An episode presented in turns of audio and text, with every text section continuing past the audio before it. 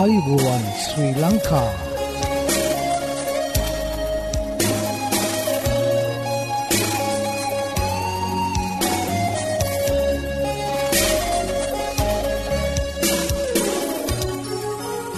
ඔබට සුපදස මේ Adventist world radio බලාපොරොත්වය හඬ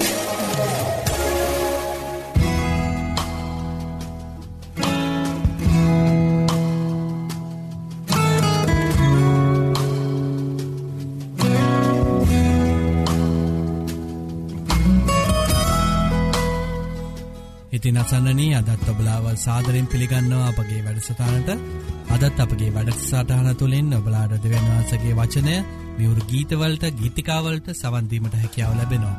ඉතිං මතක් කරන්න කැමති මෙම වැඩසටානගෙනෙන්නේ ශ්‍රී ලංකා 7ඩ ඇඩවෙන්ටිස් කිතුුණු සභාව විසින් බව ඔබලාඩ මතක් කරන්න කැමති. ඉතින් රැදි සිටින්න අප සමඟ මේ බලාපොරොත්තුවේ හඬයි. අද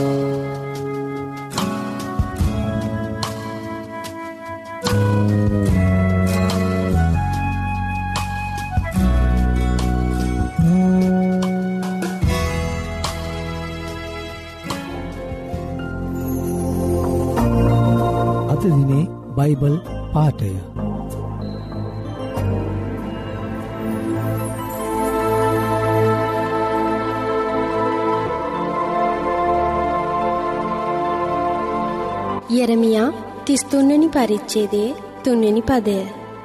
මට යාඥා කරපන්න. එවිට මම නුබට උත්තරදී නුබ නොදන්න මහත් වූ අමාරුදේ නුඹට පෙන්වන්නෙමි.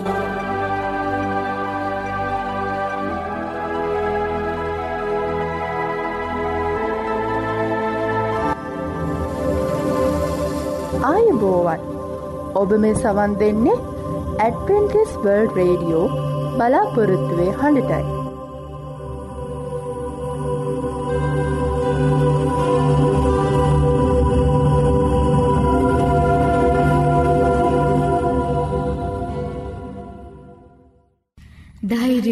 බලාපොරොත්තුව ඇදහිල්ල කරුණාව සහ ආදරය සූසම්පත වර්ධනය කරමින් ආශ් වැඩි කරයි. මේ අත්හදා බැලිමිට ඔබ සූදානන්ද එසේනම් එකතුවන්න ඔබත් ඔබගේ මිතුරන් සමගින් සුවසතර පියමත් සෞඛ්‍ය පාඩම් මාලාවට. මෙන්න අපගේ ලිපිනය ඇඩවෙන්ටිස් වල් රේඩියෝ බලාපොරොත්තුවේ අඩ තැපැල් පෙටිය නම්සේපා කොළඹ තුන්න. නැවතත් ලිපිනය ඇඩවිටිස් වර්ල් රේඩියෝ බලාපොරොත්තුවේ හඬ තැපැල් පෙට්ටිය නමේ බිඳුවයි පහ කොළඹතුන්න. දෙව්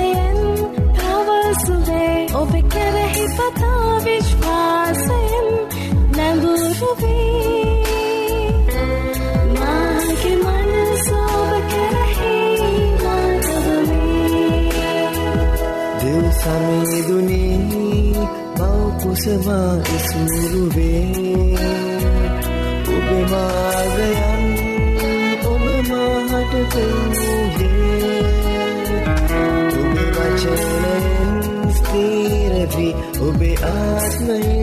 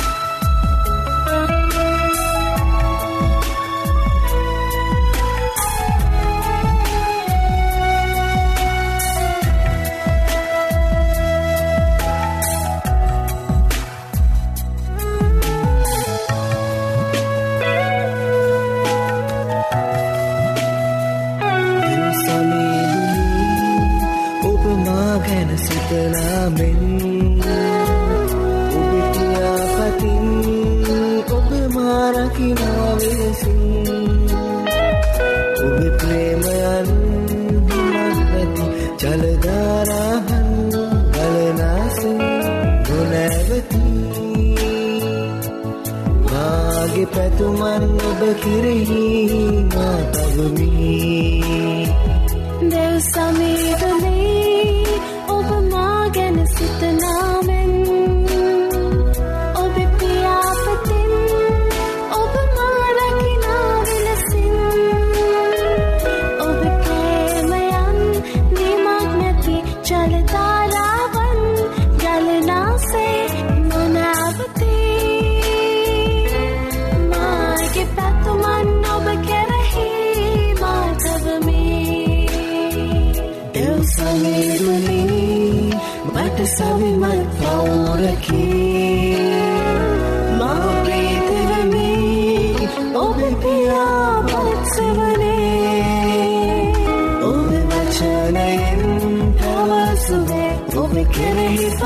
talvez fossem menos ruins. I give my best over can I hear what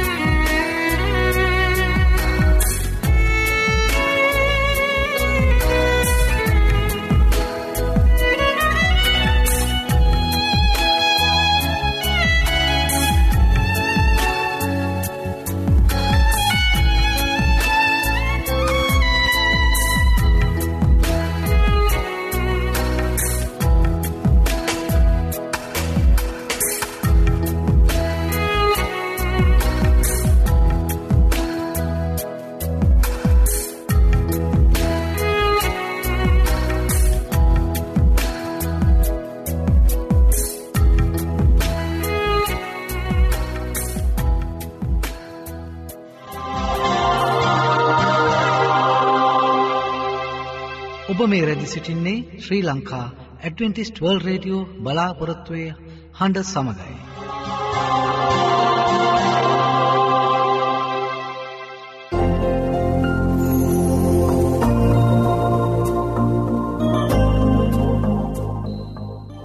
ඉතින් හිතවත හිතවතිය දැන් ඔබට ආරාධනා කරනවා අපහා එකතු වෙන්න කියලා අද දවසේ ධර්ම දේශනාවට සවන් දෙන්න අද ඔබට ධර්ම දේශනාව ගෙනෙන්නේ හැරල් ෆිනෑන්ඩු දේවක තිතුමා විසින් ඉතින් එකතු වෙන්න මේ බලාපොරොත්තුවය හඬට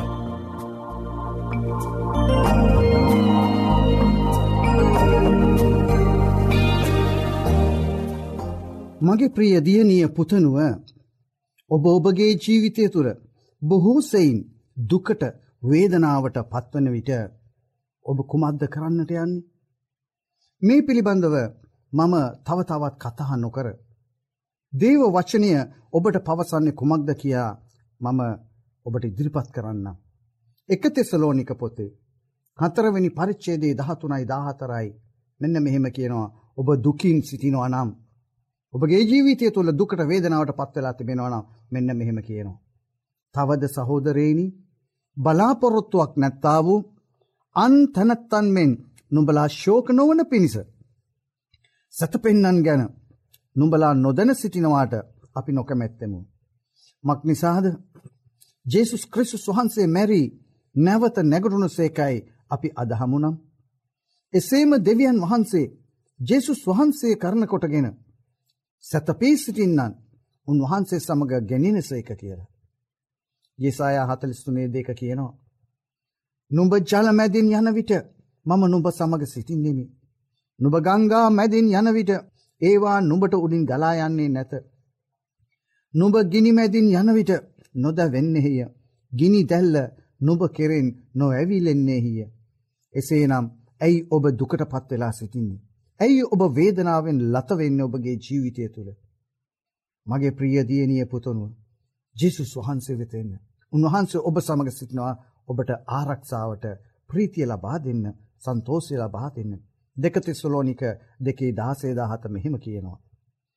තවද අපගේ ස්වාමි වූ ජේසුස් ක්‍රිස්තුස් වහන්සේමද අපට ප්‍රේමකොට සදාකාල සැනසිල්ලත් යහපත් බලාපොරොත්තුවත් අනුග්‍රහය කරන කොටගෙන අපට දුන් අපගේ පිය වූ දෙවියන් වහන්සේද නුඹලාගේ සිත් සනසා සියලු යහපත් ක්‍රියාවලද වචනවලද නුඹලා ස්තීර කරන සේක්වා. මොකක් තුළද ඔබ ස්තීර කරන්නට යන්නේ දෙවියන් වහන්සේ. දෙවියන් වහන්සේගේ සියලු යහපත් ක්‍රියාවලයි වචනවලයි ඔබගේ සිත සනසල ඔබ ස්තීර කරන්නට යනවා. ඒ නිසා මතව පහේ හතර මෙහෙම කියනවා. ශෝක වන්නෝ ආශිරවාද ලද්දෝය මක් නිසාද ඔහු සනසනු ලබන්නෝය කියලා. දෙක කොරන්ති එකේ තුනසා හතර මෙන්න මෙහෙම ඔබට පවසනවා. දයාබර කරුණාවල පියවූද සෑම සැනසිල්ලේ දෙවිවූද අපගේ ස්වාමි වූ ජේසුස් ක්‍රිස්තුස් වහන්සේගේ පිය වූ දෙවියන් වහන්සේට ප්‍රසංසාවේවා. අපි දෙවියන් වහන්සේගෙන් යම් සැනසිල්ලක් ලැබුවමුද ඒ සැනසිල්ල කරනකොටගෙන කොයි පීඩාවක් නමුත් විඳින්නන් සනසන්ට අපට පුළුවන් වන පිණිස උන්වහන්සේ අපේ සියලු පීඩාවලදී අපව සනසවනසේක. උන්වහන්සේ ඔබ දුකේ ඉද්දී උන්වහන්සේ සන්තෝසවන්නේ නෑ ඔබ පීඩාව වෙද්දී උන්වහන්සේ ප්‍රීතියෙන් ඉන්නේ නැහැ. උන්වහන්සේ ඔබව සනසන්නට ලෑස්තිී. එනිසා ජෙසුස් වහන්සේ වෙතට එන්න. ජෙසුස් වහන්සට කතහා කරන්න. යෙසාය හැට එකේ එක ඉඳන් තුන දක්වා මෙන්න මෙහෙම ඔබට පවසනවා.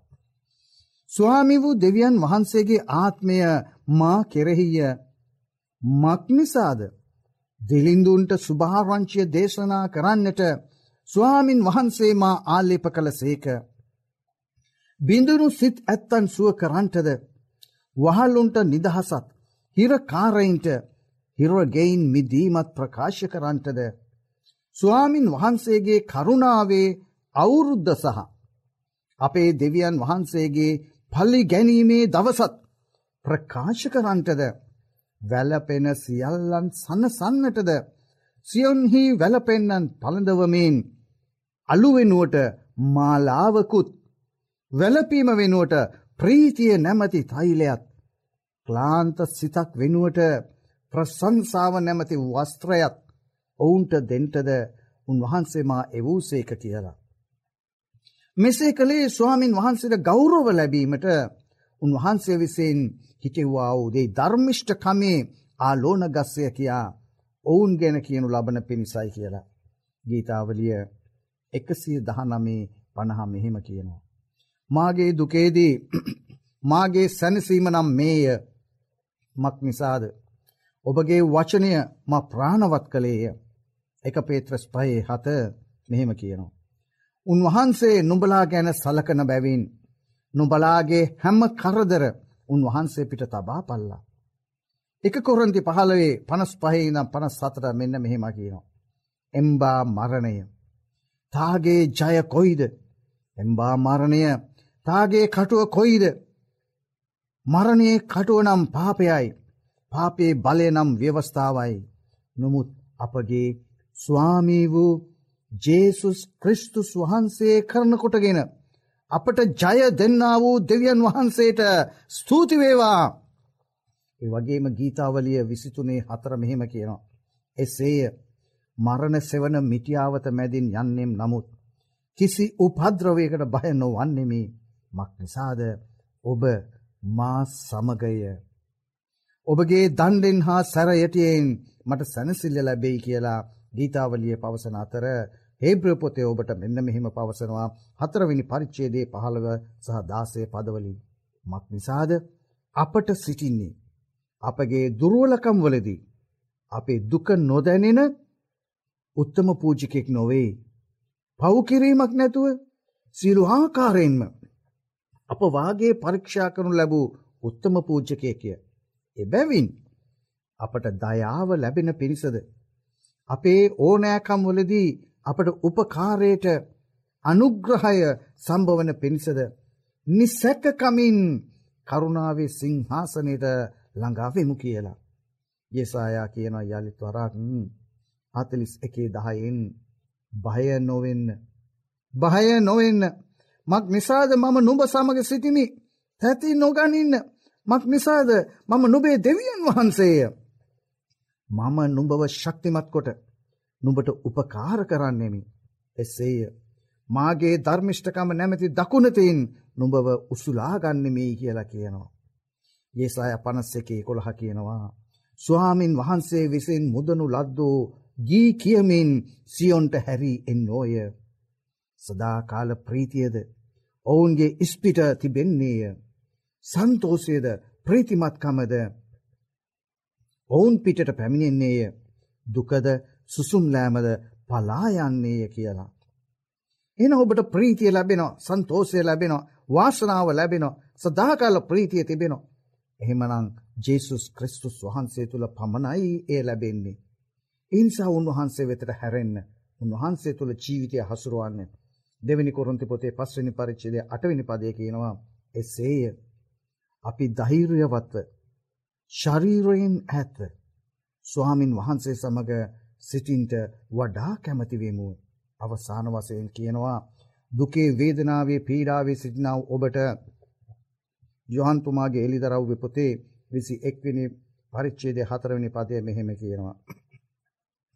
උන්වහන්සේ ඔබගේ ඇස්වලින් සියලු කඳුළු පිසදමන සේක මරණය තවත් නොවන්නේය වැලපීමත් හැඬීමත් වේදනාවත් තවත් නොවන්නේය මක් නිසාද පළමු දේවල් පහව ගියේ යයි සිංහාසනයෙන් කියන මහත් හඬක් මට ඇසුනේය.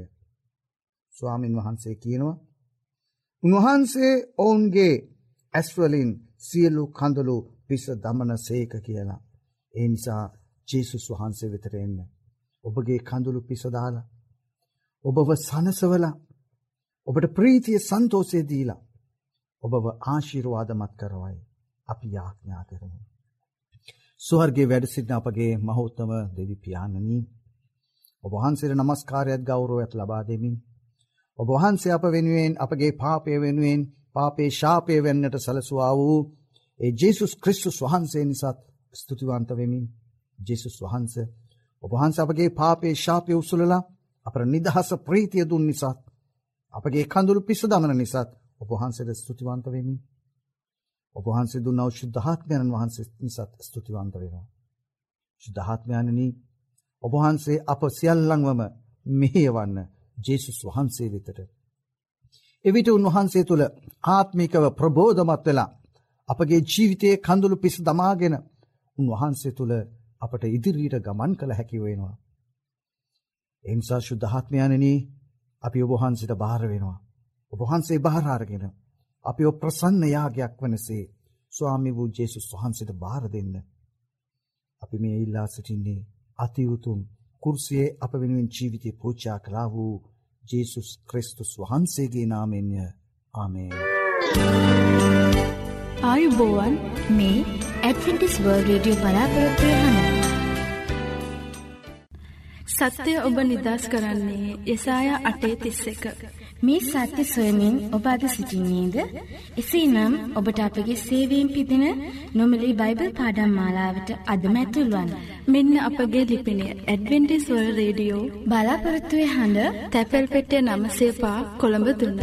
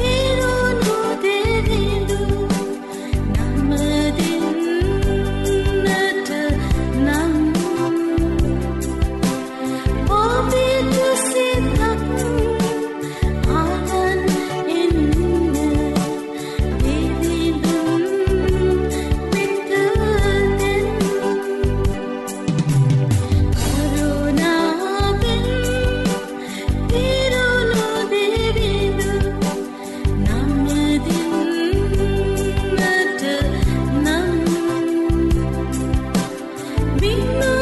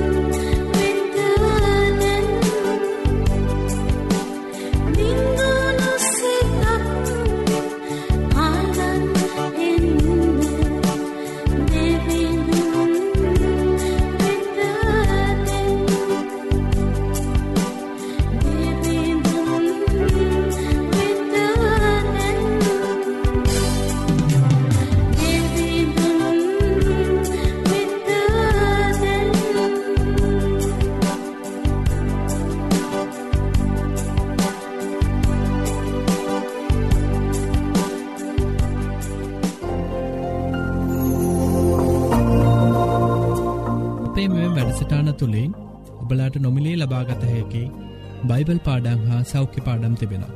ඉතිං ඔබලා කැමතිනං ඒවට සමඟ එක්වෙන්න අපට ලියන්න. අපගේ ලිපින ඇඩවෙන්ටිස් වර්ල් රඩියෝ බලාපොරත්තුවය හඬ තැපැල් පෙට්ටිය නමසේ පහ කොළඹ තුන්න මම නැවතත් ලිපිනේම තක් කරන්න ඇඩවෙන්ටිස් වර්ල් රඩියෝ බලාපොරත්තුවය හඬ තැපැල් පෙට්ටිය නමසේ පහ කොළඹ තුන්න ඒ වගේ මබලාට ඉත්තාමත් ස්තුතිවන්ත වෙනවා අපගේ මෙම වැඩසටාන්න දක්කන්නව ප්‍රතිචාර ගැන අපට ලියන්න. අපගේ මේ වැඩසටාන් සාර්ථය කර ගැනීමට බලාගේ අදහස් හා යෝජනා අපිට අවශ්‍ය. අදත් අපගේ වැඩසටානය නිමාව කරාලඟාව තිබෙනවා ඉතිං පුරා අඩහෝරාව කාලයක් අප සමඟ රැඳී සිටිය ඔබට සූතිවන්ත වෙන අතර හෙටදිනෙත් සුපුරෝධ පරිති සුපුරෘධ වෙලාවට හමුවීමට බලාපොරොත්තුවයෙන් සමුගන්නාම ප්‍රස්ත්‍රියකනායක ඔබට දෙවියන් වහන්සේකි ආශිරවාදය කරුණාව හිමියේවා.